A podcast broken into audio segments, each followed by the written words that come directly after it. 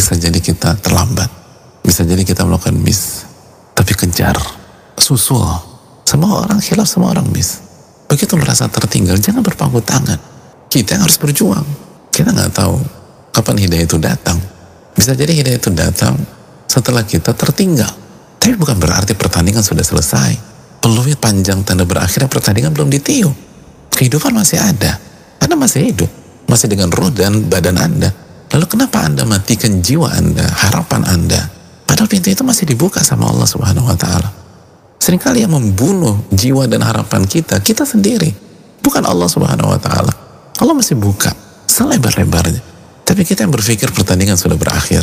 Kita berpikir ini sudah selesai. Riwayat kita sudah tamat. Siapa yang pernah mengatakan demikian? Rebut kembali pertandingan tersebut. Kejar.